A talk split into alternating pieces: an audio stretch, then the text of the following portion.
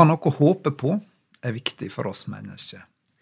Tenk bare på hvordan vi kollektivt har sett vårt håp til vaksinene mot pandemien som har herja. Håp er så avgjørende for oss at vi uansett situasjon så leiter vi etter noe å sette vårt håp til.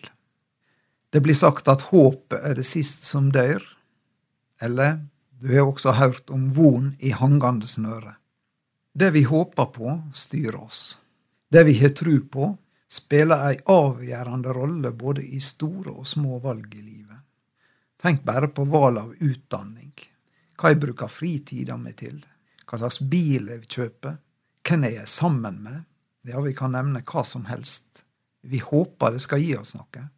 Våre vurderinger blir i større grad enn vi tenker over, farga av håp, og er med å forme livet.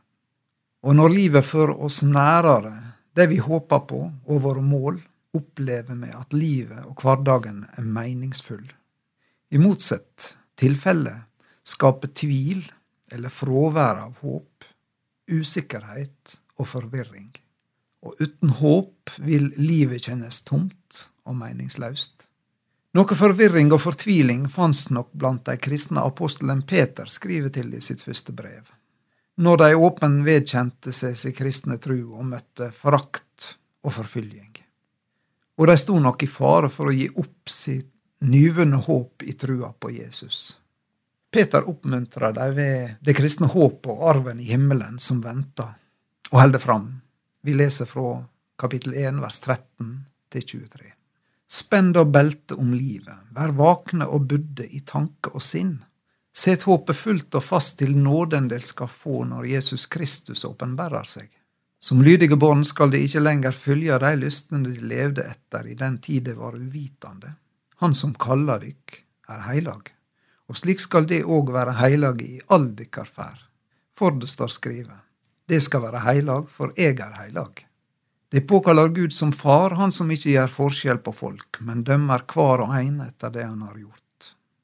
Da må det òg leve i Guds frykt i den tida som det er her som framande. De veit at det ikke var med forgjengelige ting, som sølv eller gull, de vart frikjøpte fra det tomme livet de overtok fra fedrene. Det var med Kristi dyreblod, blod av et lam uten feil og lyte. Han var utpeika til dette før verda var grunnlagd, og for dykkers skyld har han blitt åpenbæra nå i de siste tider. Ved han er de komne til tru på Gud, som vekte Kristus opp fra de døde og gav han herligdom.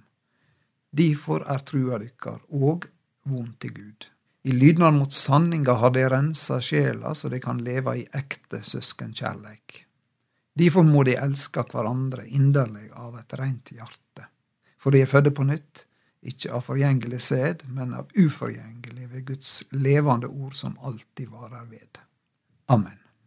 De blir oppfordra om å sette fullt og fast sitt håp til Jesus. Spenn beltet om livet høres nesten ut som ta på bilbeltet, for nå starter turen. Lange, vide kjortler som de gikk med den gangen, måtte de binde opp med belte for å kunne gå fort eller gjøre arbeid. For en kristen er livet på jord ei reise mot det evige og fullkomne livet i Guds herlige rike. Men som alle mennesker lever også kristne i ei vær som har gjort seg framand for Gud, og som er i opprør mot Guds gode vilje. Reisa gjennom livet er, for en kristen er en åndelig kamp. Og Derfor står hvert menneske overfor et grunnleggende valg mellom å sette håpet til dette livet på jorda, som i dette brevet blir sammenlignet med grønt gras som visner etter kort tid og dør, eller sette håpet fullt og fast til nåden i Jesus Kristus. Det er to grunnleggende forskjellige håp som gir to forskjellige liv. Valet står på en måte mellom å være fremmed på jorda som Guds barn, eller framande for Gud og utafor himmelen. Bibelordet advarer mot å la dette livet styre ved å følge våre egne tanker og lyster til et behagelig og kortvarig liv. Det oppfordrer på den andre sida kristne til å leve livet styrt av håp om ei evig framtid hos Gud både fordi det ikke må bli forgjeves at Jesus kjøpte oss så dyrt da han døde og sto opp igjen for å sone vår synd, men også fordi Den heilage ande driver oss til et heilagt liv i kjærleik til gode gjerninger i tråd med Guds vilje. Et liv på den veien er et godt og meningsfullt liv for oss og for vår neste, og fører oss nærere målet. Og Grunnen til at en kristen må være åndelig budd, er at en kristen til daglig vil være dratt til to sider i en åndelig kamp. Anten å leve etter egne tanker, noe apostelen sier fører til et tomt liv, eller sette håpet fullt og fast i Jesus og rense sjela og livet for det som hindrer på veien. Til å leve i Guds frykt som fremmande i verden, ved å leve ut Guds tjenende og oppofrende kjærleik i ei vond verd. Det vil krevje en pilegrimsinnstilling med det langsiktige målet hos Gud for øye. For sjøl om reisa mot evig glede og Gud gir mening, kan den være tøff. Det vil alltid koste å være en kristen og gjøre Guds vilje i ei vær der det vonde er løs. Det vil koste en indre kamp med oss sjøl, med vårt eie syndige menneske, som ikke må få sin vilje med oss, men må dødast. Men det vil også koste å velge Guds veg i møte med motstand fra kulturen rundt.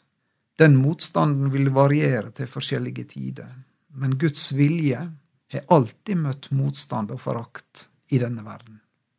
Men et liv styrt av håpet hos Gud er et rikt liv med retning, et liv med mening og håp.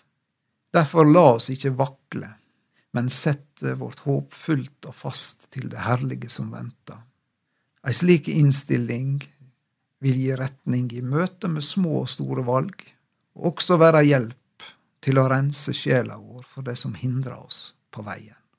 Så kan vi spørre oss og ransake oss sjøl hva forteller livet mitt at jeg håper på og setter mitt håp til?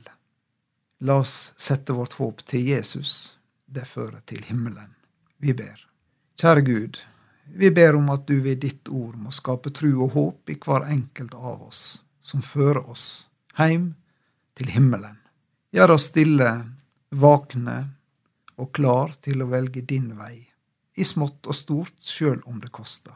Og hjelp oss om dine bånd å leve ut din kjærleik i møte med mennesket. Amen. Du har lytta til Over en åpen bibel, og andakten var ved Kåre Lid. Serien produseres av Norea Mediemisjon. Les mer om oss på norea.no.